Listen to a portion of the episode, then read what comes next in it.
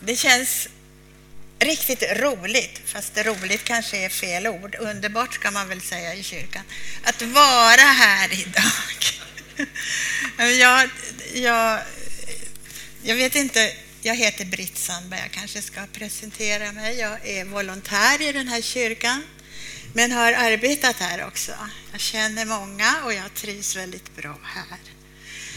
Och eh, det är så här att vi har en bok att följa som David introducerade förra veckan. Vägar till glädje. Men jag har fått en underrubrik och den kanske en del vet om vad den är. Det är meditation. Och meditation är första kapitlet i den här boken. Och först när David frågade mig om det så, så kändes det ungefär så här, åh hjälp! Och så kanske några av er också har tänkt, hjälp! Meditation ska man inte syssla med.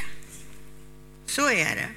Det skriver han lite grann om. Men jag ska försöka reda ut det där, för jag har varit riktigt inspirerad av det. För det är så här att jag tänkte att alltså nu har jag, jag är årsrik, vet ni, det är vi som är så här till åren komna. Och då så har man mycket erfarenhet. Och jag tänkte, jag har ju också mycket erfarenhet av vandringen med Gud. Jag började i den här kyrkan som tolvåring och vara medhjälpare i, i söndagsskolan. Så jag, jag, står på det idag. Jag, jag står på att jag faktiskt har det, lite erfarenhet. Man kan köpa den här boken. Den ser inte ut så här. När jag läste den här 1984, då såg den ut så här. Och den, den eh, finns här ute att köpa för, för, för mycket, jag vet inte för vad. 199 kronor. Som hittat. Eh, alltså, det är ju glä, vägar till glädje. Glädje är ett oerhört centralt begrepp i Bibeln på många sätt. I Markus evangelium börjar ju det med det här kommer glädjebudet om Jesus Kristus. Så glädje är väldigt viktigt och jag är så glad över att David och teamet har valt att ta upp det här ämnet också under fastan, under fastetiden, för det är den andra söndagen i fastan idag. Och det, på, den här boken beskriver ju den, om det kristna livets frihet och helhet. Och när jag läste den här i början på 80-talet var jag inne i en ganska jobbig period. Nu när man ser tillbaka så märker man ju att det har gått så här lite. Ibland har det varit toppen och ibland har det varit lite så här, ni vet. Men jag, kom, jag läste den där boken och jag kom i kontakt med en själavårdsrörelse som heter Helhet genom Kristus. Där är jag aktiv fortfarande. Och det där, jag läste boken, jag fick samtal genom själavården och, och det betydde så oerhört mycket för mig. Jag märker det när jag ser tillbaka, för att den där tiden hjälpte mig för den framtid jag sen fick, som jag ju nu kan se. Och också för den framtid jag har nu. Jag har inte 40 år kvar, men några år i alla fall har vi ju när vi är i den här åldern. Vi talar idag en hel del om hållbarhet. Och jag har funderat lite på det där, för det gäller även tron på Gud. Och min fråga är lite grann, vad är det som håller ett helt liv? Vad är det som håller? Vad är hållbart? Det är andra söndagen i fastan idag och vi går mot påsk och fastan är en tid för eftertanke och begrundan. Och meditation betyder just det, eftertanke och begrundan. en tid för att stanna upp. För att fastetiden är egentligen en tid för att träna i att avstå.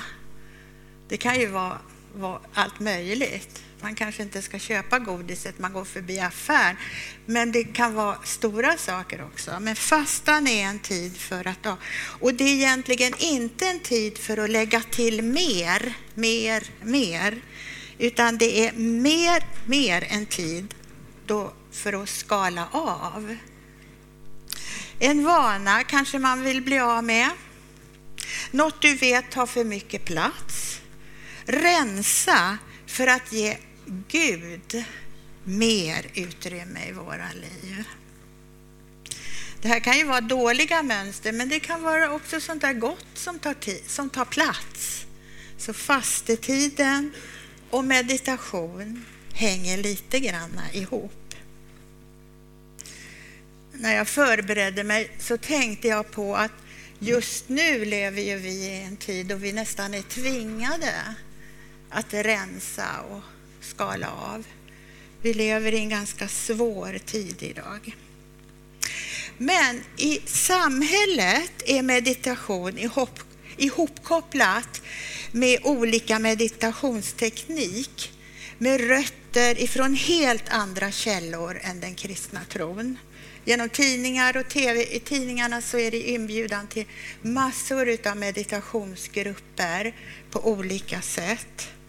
Man söker frid, ro, balans, glädje, vill veta hur framtiden ser ut. Därför så lockande. Men vi behöver vara noga med vad vi söker. Det finns mycket ursla brunnar idag. Ursla tycker jag är ett lite roligt ord.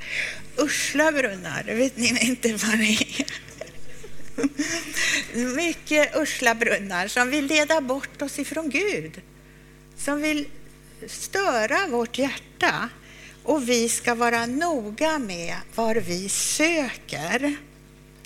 Vi ska vara rädda om våra hjärtan. Meditation är ett helt neutralt ord. Många kopplar det ju till det här med österländskt mantra och sånt. Men det är ett neutralt ord och det har funnits med i den kristna kyrkan under alla år. Och, och vi skulle behöva ta tillbaka det här ordet, bibelmeditation. Tänk om vi kunde bjuda in människor som längtar efter ro och frid på djupet och erbjuda bibelmeditation med Jesus i centrum. Det kanske är framtidens grupper. hörni. Jag kommer inte att gå igenom några olika former av österländskt sökande. Jag kan inte. Jag har ingen erfarenhet och jag skulle aldrig gå in i det. Den kristna bibelmeditationen utgår alltid från Guds ord med fokus på Jesus Kristus, Guds son, uppstånden och levande. Idag. Och bibelmeditationen har djupa rötter i kyrkans historia och är väldigt nära kopplad till bönen. Jesus pendlade mellan ensam tid i bön och tid tillsammans med andra människor. När Jesus skulle välja apostlarna så var han en hel natt i bön. Så vi kan se att Jesus drog sig undan också till de här platserna där han fick tid att lyssna in sin far i himmelen. Fastan är ju 40 dagars fasta. Det är ju det vi har tagit ifrån när Jesus var i öknen i 40 dagar innan han skulle gå ut i sin aktiva tjänst. Och det är klart att då fick han mycket tid att lyssna in sin far i himlen, vara för sig själv och be också. Det var en jobbig tid också förstås. Sen så kan vi läsa om Maria, Jesu mor. Det står om henne att hon tog det till sitt hjärta och begrundade det. Och det var när hon hade fått bud genom herdarna, det de hade hört från ett änglabudskap om Jesus. Då står det att Maria tog det till sitt hjärta och begrundade det. Även när Jesus var vid 12 års ålder i templet och föräldrarna hade gått därifrån och blev rädda och letade efter Jesus. Eh, då, då, då, svarade Jesus, visste ni inte att jag måste vara hos min fader? Då står det också om Maria att hon tog det till sitt hjärta och begrundade det. När, man, när vi stannar upp och lyssnar till Guds röst och får höra, för att i bibelmeditationen handlar det också om att lyssna, då ska vi vara lite återhållsamma, inte bara berätta det hur som helst. De heliga upplevelserna som vi har med Gud, de ska vi ta till vårt hjärta och begrunda. För då har du fått en skatt. Och den skatten ska vi vara rädda om. Den växer och tids nog kommer det att märkas. Och jag tror att Maria är en förebild där. Hon tog det till sitt hjärta och begrundade det. Ibland talar man om tigandets kraft. Man ska inte alltid tiga, men ibland. Boken här den delas upp i det inre livet och i det yttre livet och det gemensamma livet. Och meditation är det första temat och vi ska läsa ifrån Ordspråksboken. Ska vi läsa några verser. Jag läser ifrån Ordspråksboken kapitel 4, vers 20. Ordspråksboken 4 och 20. Jag nickar till Elena, hon ska hinna med att tolka. Där läser jag. Min son, lyssna till vad jag säger. Hör noga på mina ord. Släpp dem aldrig ur sikte. Bevara dem djupt i ditt hjärta. Ty det ger liv åt den som finner dem och läkedom åt hela hans kropp. Mer än allt annat, vakta ditt hjärta, ty hjärtat styr ditt liv. Du som gått i söndagsskola på, ja, när jag gick i söndagsskola på 50-talet, då fick man en bibel.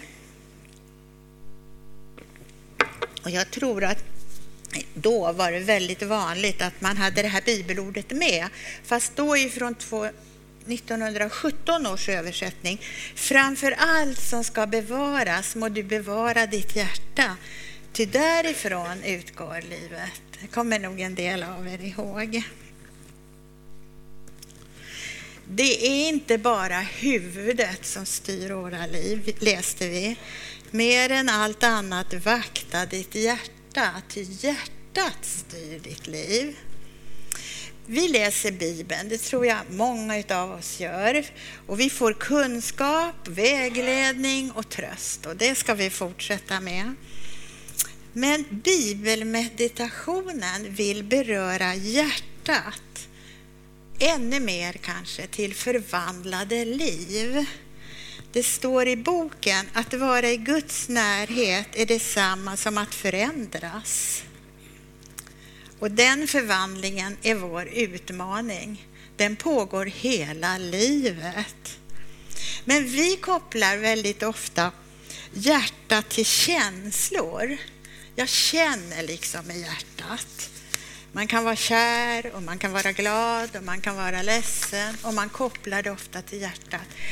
Men hjärtat är ett centrum i människan och det är inte bara känslor. Våra handlingar och beslut kommer också från hjärtat. Därför så viktigt vad vi fyller vårt hjärta med. Hjärtat styr ditt liv, läste vi. Varför är det bra med bibelmeditation? Och jag kommer in lite mer på det där. Men det, det är för att, jag ska läsa i Filipperbrevet 2 och 5, bara en liten vers. Filipperbrevet 2 och 5. Där står det så här. Låt det sinnelag råda hos er som också fanns hos Kristus Jesus. Låt det sinnelag råda hos er som också fanns hos Kristus Jesus.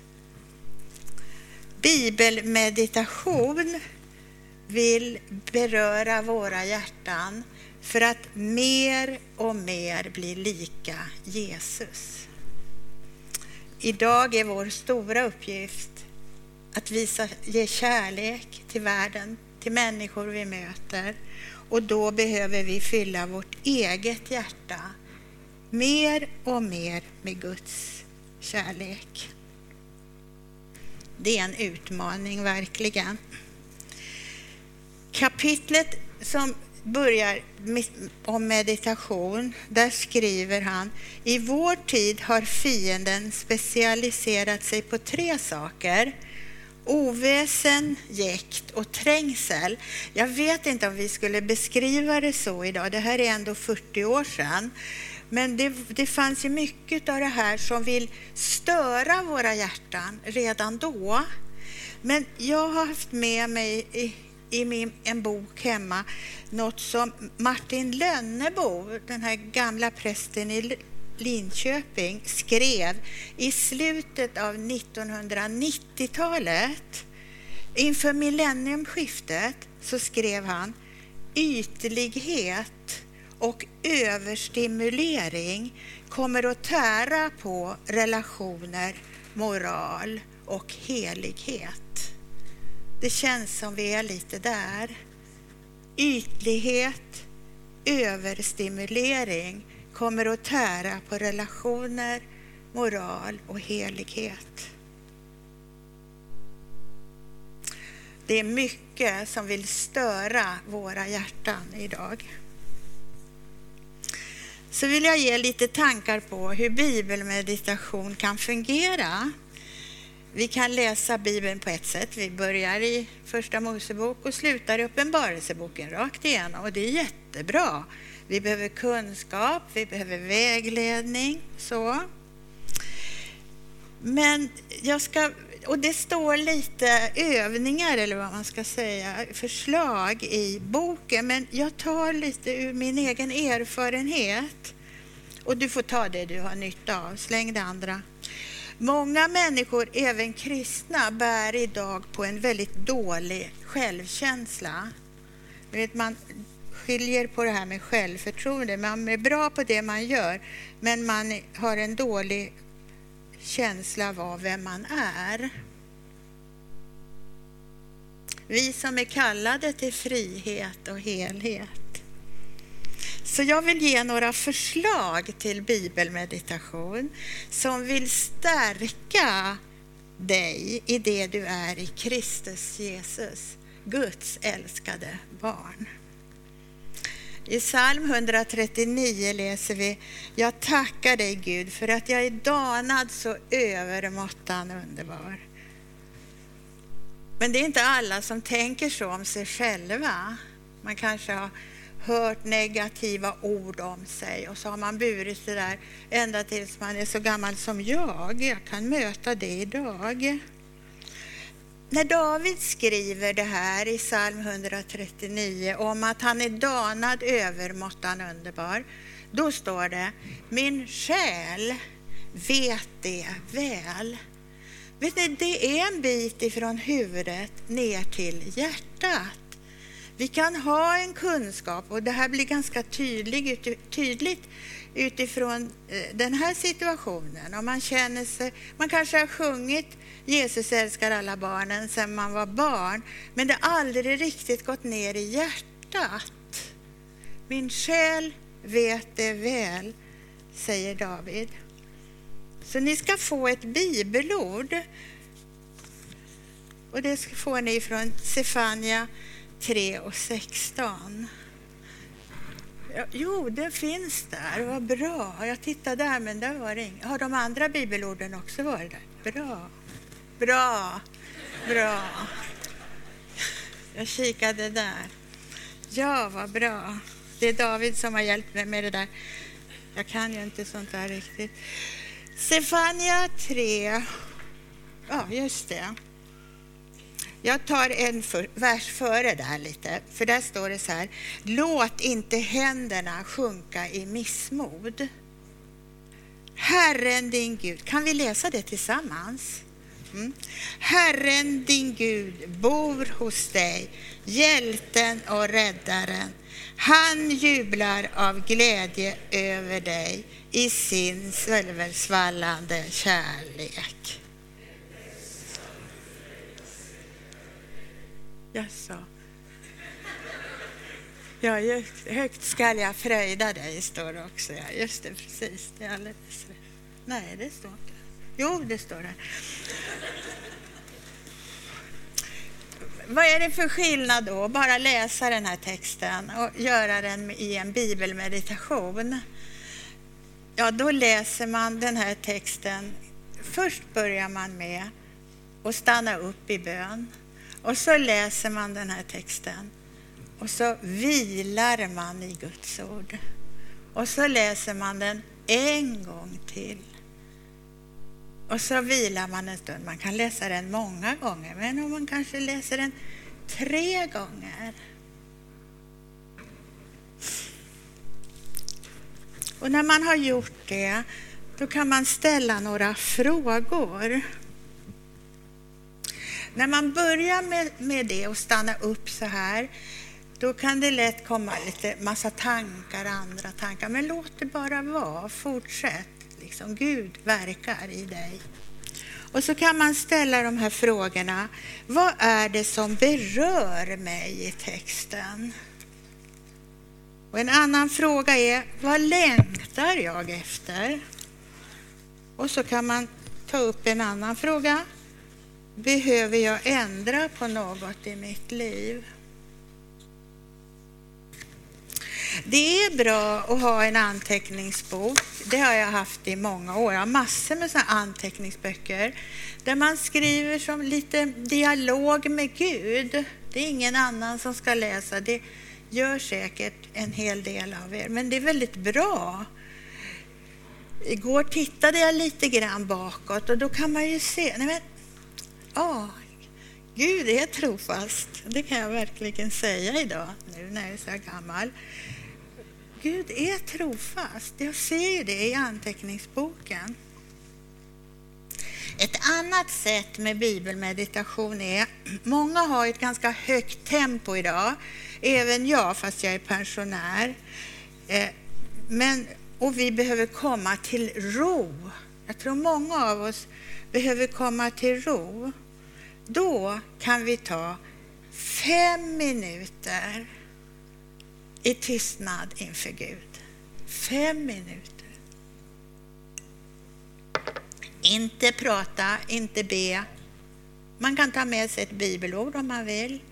Bli stilla och besinna att jag är Gud. Fem minuter.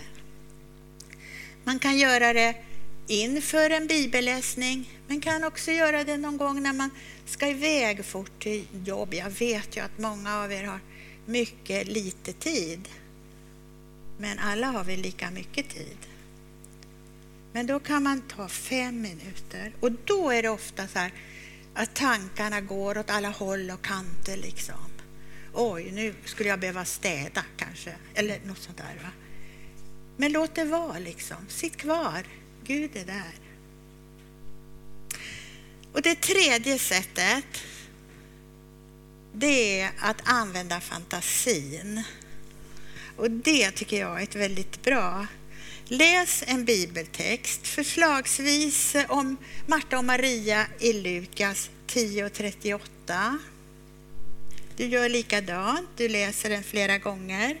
Ett annat bibelställe som är bra att läsa det är Markus 10.46 då Jesus möter den blinde mannen vid Jerikos port.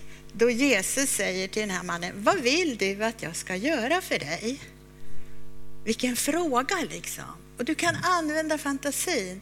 Jesus kommer till dig och säger, vad vill du att jag ska göra för dig? Och i Marta och Maria-texten, där kan man ju använda fantasin. Hur bor de? Hur ser det ut? Hur är stämningen i huset? Vem kan du identifiera dig med? Marta, Maria, Lazarus, kanske någon annan okänd gäst där. Och så kan man få in de här frågorna. Vad berör det här mig? Är det något jag behöver skala av nu under fastetiden? Med bara ett fokus, för att ge Gud mer utrymme i våra liv. Ibland kan det vara så att en text eller ett ord eller en bild eller en sång kommer när vi gör på det här sättet. Och den kan man ha med sig en hel vecka. Jag skulle önska att vi blev befriade från det här. Jag brukar ju säga att det inte finns några måsten. Jag vet att det är fel, men det, det, det har jag sagt till eleverna på folkhögskolan när jag jobbade där och det, det, det blev de ju lite irriterade på. Men det, man kan använda ordet får istället.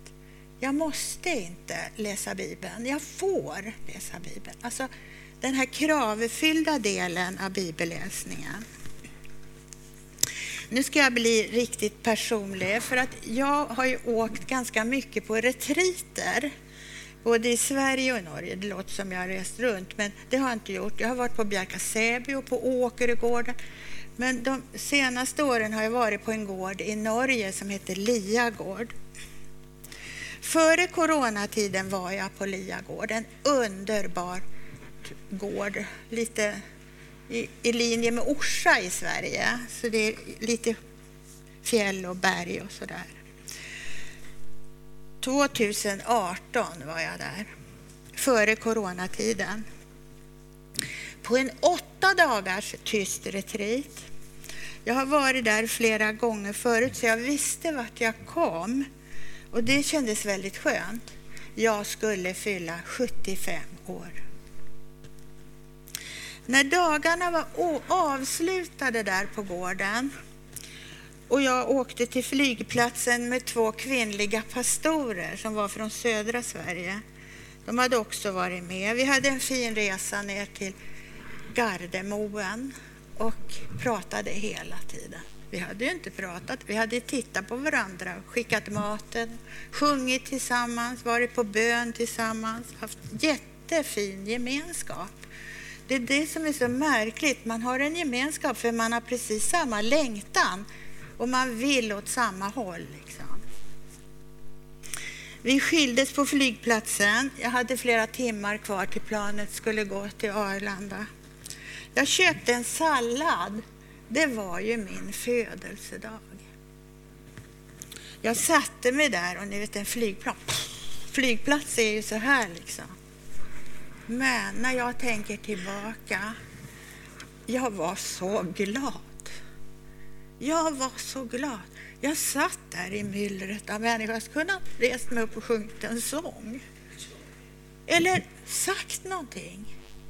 Jag var så glad. Dagar i tystnad med samtal varje dag med en vägledare. Det får man. Från henne fick jag bibelord som jag hade till bibelmeditationen som jag satt på rummet eller vid brasan eller gick ut och gick. Jag gick långa, långa, långa promenader. Där vågade jag gå mitt i storskogen. Det vågar jag nästan inte här, men där vågar jag det. Och så var det nattvardsgudstjänst varje kväll. Musik under måltiderna.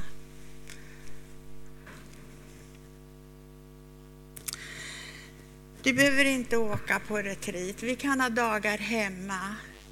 Men det är något speciellt. Man ska inte börja med en åtta dagars tyst retreat. Men man kan börja med två dagar eller en dag. Vi Vi ska ha det här när vi har fått reda på var vi ska vara någonstans sen. Så ska vi ha någon dag. Vi har haft det förut. Kom med då och träna lite. Prova. Man måste inte, men man får. Man får. Det som är så fint, jag har ju också arbetat och varit ledare på retriter. Och det man märker, då kanske man träffar fyra deltagare. En varje dag. Nej, inte en varje dag. De, nej, nej, först, när man börjar då träffar man fyra deltagare och så ger man dem ett bibelord, alla fyra.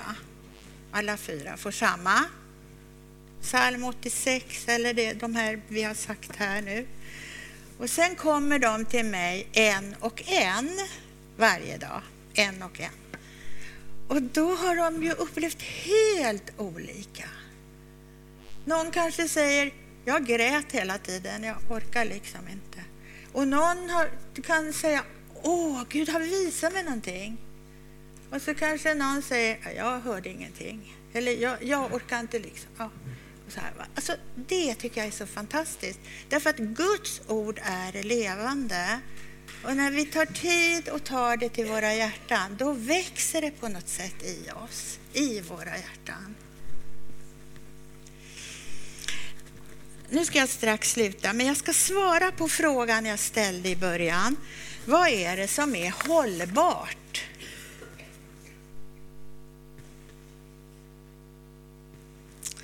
Guds ord i våra hjärtan som får myllas ner och bära frukt av glädje som inte bara är beroende av våra omständigheter. Det är hållbart ett helt liv därför att det pekar på Jesus Kristus. Det är hållbart. Det håller när livet runt omkring oss är så oroligt och ovisst. Mätta ditt hjärta med Guds ord. Och så ska jag avsluta, men jag måste titta vad det står. Ni vet, jag har inte samma kom ihåg nu. Men Elisa läste i början av gudstjänsten från Johannes 15 där Jesus ger oss liknelsen om vinstocken. Där säger Jesus flera gånger bli kvar i mig, bli kvar i mig. Och sen kommer nästa vers. Detta har jag sagt er för att min glädje ska vara i er och er glädje bli fullkomligt. Det håller. Amen. Vi ber. Jesus Kristus, tack för din närvaro här idag. Tack för att du gav oss hjälparen, den helige Ande. Och tack för Bibeln som vi har, ditt ord, Herre. Och jag tackar dig för att ordet vill bära frukt i våra liv, till glädje, till kärlek, till vänlighet, Gud. Jag ber för var och en av oss. Du vet precis, Gud, vad vi är. Jag vill be särskilt för den som känner sig, ja, inte duga och alla de där känslorna som vi så lätt kan ha. Tack för att du ser på oss som Guds heliga, älskade, utvalda barn. I Faderns och Sonens och den helige Andens namn. Amen.